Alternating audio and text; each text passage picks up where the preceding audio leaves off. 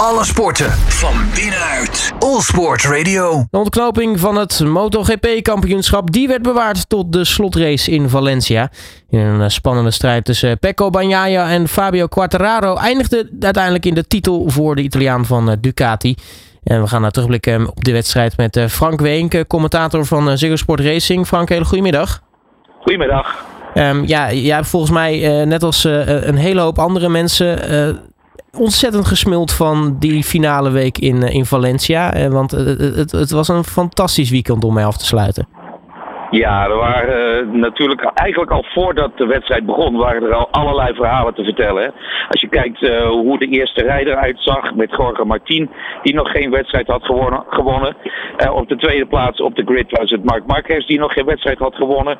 En Jack Miller, de laatste man op de eerste startrij, die vertrekt bij Ducati, had graag zijn laatste wedstrijd willen winnen. Nou, en dan natuurlijk wat jij al zegt, titelstrijd tussen Pecco Bagnaia en Fabio Quartararo. Dus er was van alles te vertellen. waren van allerlei verhalen. En de wedstrijd op zich uh, was al geweldig natuurlijk. Want het was bovendien de laatste wedstrijd van Suzuki. Ja, en het was een, een soort van droomscenario. Ik, heb, uh, ik moest ook maar verslag schrijven voor het blad waar ik voor werk.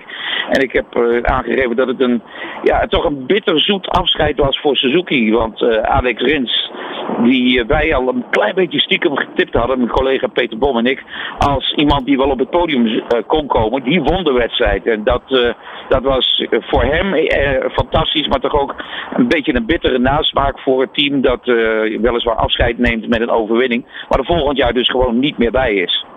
Ja, en dat is natuurlijk sowieso iets wat wel gemist wordt, want de afgelopen jaren ja, eh, misschien niet alle seizoenen of altijd, maar Suzuki zat er geregeld bij als smaakmaker.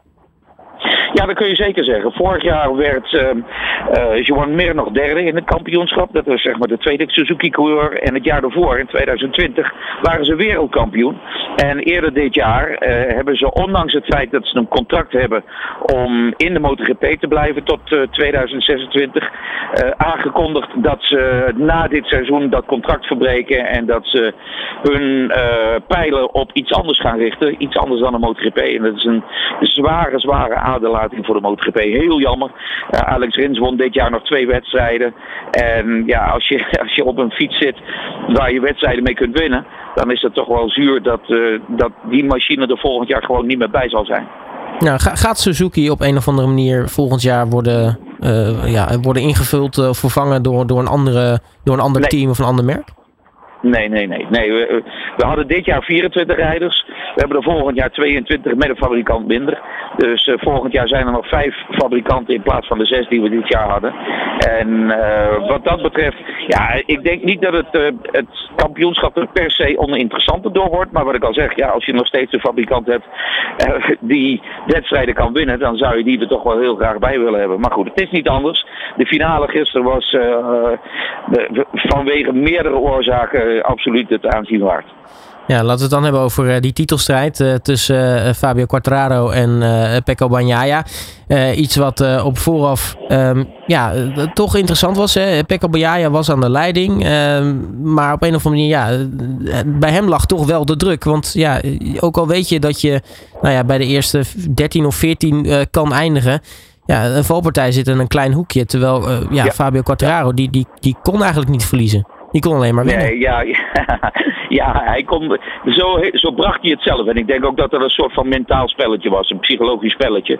Want natuurlijk, hij, hij was de man die tot uh, twee wedstrijden geleden nog de leiding in het kampioenschap had. En hij had, uh, ja, wanneer was het? In juni had hij een voorsprong van 91 punten op Pecco Bagnaia. En Bagnaia heeft die voorsprong teniet gedaan en is uiteindelijk uh, de wereldkampioen geworden. Uh, en dat is iets wat nog nooit vertoond is. Zo'n achterstand goed maken met vijf wedstrijden waarin hij niet gescoord heeft vanwege valpartijen. Dat is echt uniek. Maar ik denk wel dat Bagnaia dankzij zeven overwinningen, tien podiumplaatsen in 20 wedstrijden absoluut de wereldkampioen was. Ja, wat, wat, wat jou betreft het kantelpunt dit seizoen, was dat zoals uh, nou ja, wat heel veel mensen zeggen, de, de, nou ja, de, de Dutch TT in Assen?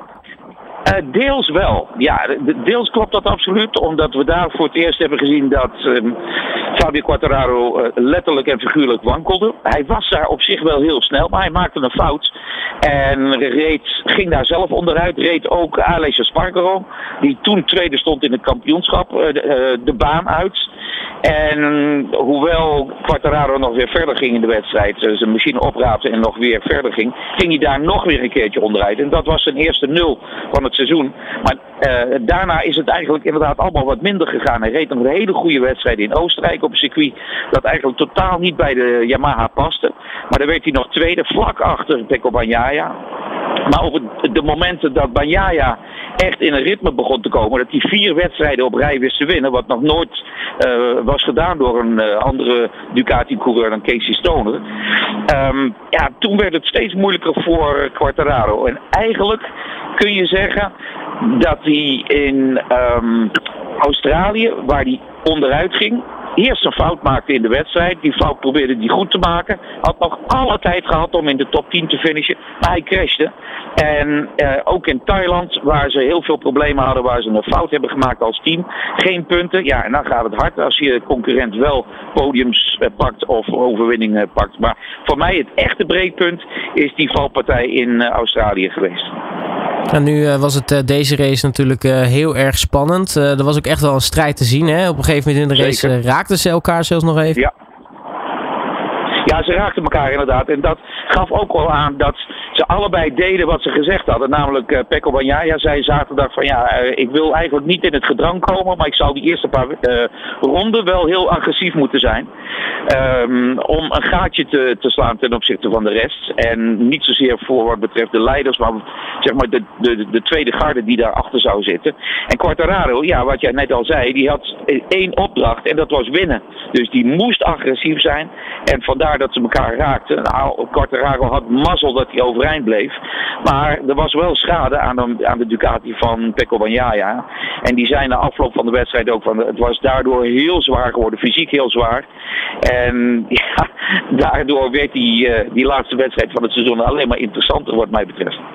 Ja, nu uh, was er vooraf, uh, voorop natuurlijk in het veld een, een enorme strijd uh, tussen nou ja, allerlei mensen die dus nog een overwinning wilden pakken. Ja. Ondertussen heb je dan nog natuurlijk de strijd om het kampioenschap. Ik, ik, kan me ook voorstellen dat een, een Quartararo of, of een Banjaya op een gegeven moment in de race misschien wel zoiets hadden van... Ja, weet je wat, die strijd vooraan. Uh, op een gegeven moment zagen we Jack Miller eraf. Op een gegeven moment zagen we Mark ja. Marquez eraf. Dat die misschien ook zoiets hadden van, nou, misschien laten we het misschien iets rustiger aandoen dan, uh, dan ons nou echt ja. Dat, dat zou je denken, maar wat ik al zei, uh, voor Quartararo was dat geen optie. Die moest gewoon winnen. En of die nou zou vallen of derde zou worden, dat maakte eigenlijk al niets meer uit. Hij moest gewoon winnen. Had hij 25 punten nodig, want hij stond 23 punten achter voor een overwinning krijg je 25 punten. En Quartararo, wat of sorry, Banjaya, wat jij net al aangaf, die moest bij een overwinning van Quartararo 14e worden. Ja, normaal gesproken moest dat allemaal wel kunnen. En dat zat er ook dik in, ondanks het feit dat die machine wat moeilijker wendbaar was en wat moeilijker bestuurbaar was, werd uh, toch nog, finishte die in ieder geval toch nog in de top 10. En um, dat was voor hem ruim voldoende. En Quartararo, ja, die, die had aan het eind van de wedstrijd ook niet meer het tempo, niet meer de snelheid. Omdat hij uh, reed met een voorband die, ja, laten we zeggen, het beste wel gehad had. Ja, en zelfs voor uh, een Morbidelli was er denk ik dan nog geen rol meer weggelegd om het uh, aan het einde nog lastig te maken, aangezien Quartararo niet vooraan reed.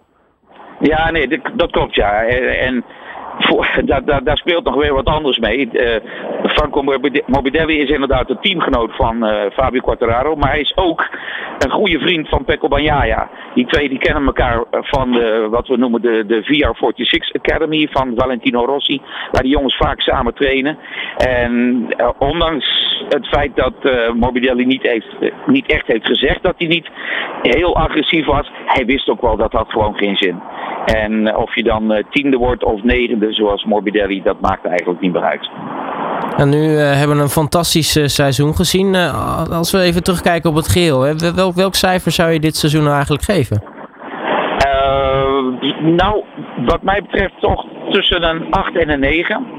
Wat we een klein beetje gemist hebben, is een ehm, echte strijd tussen Banyaya en Quartararo voor de overwinning.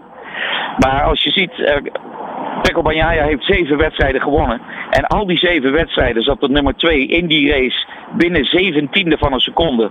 Dat geeft voor mij toch wel aan dat het heel spannend was. We hebben een geweldige wedstrijd gehad in uh, Australië op het circuit van Phillip Island. We hebben een mooie wedstrijd gehad in uh, Misano, in Aragon, waar het verschil tussen uh, en de nummer 2, dat was toen Enea Bastianini, zijn teamgenoot voor volgend jaar trouwens.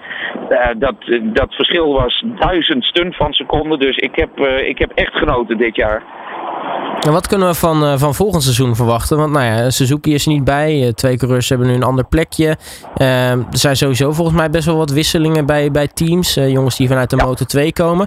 Hoe gaat het er eigenlijk ja. allemaal uitzien? Ja, dat wordt interessant. Hè. Morgen is, ik ben nu nog in Valencia. Morgen is er een, een test hier. Daar ga ik trouwens niet naartoe. Maar in ieder geval, dat is een belangrijke test.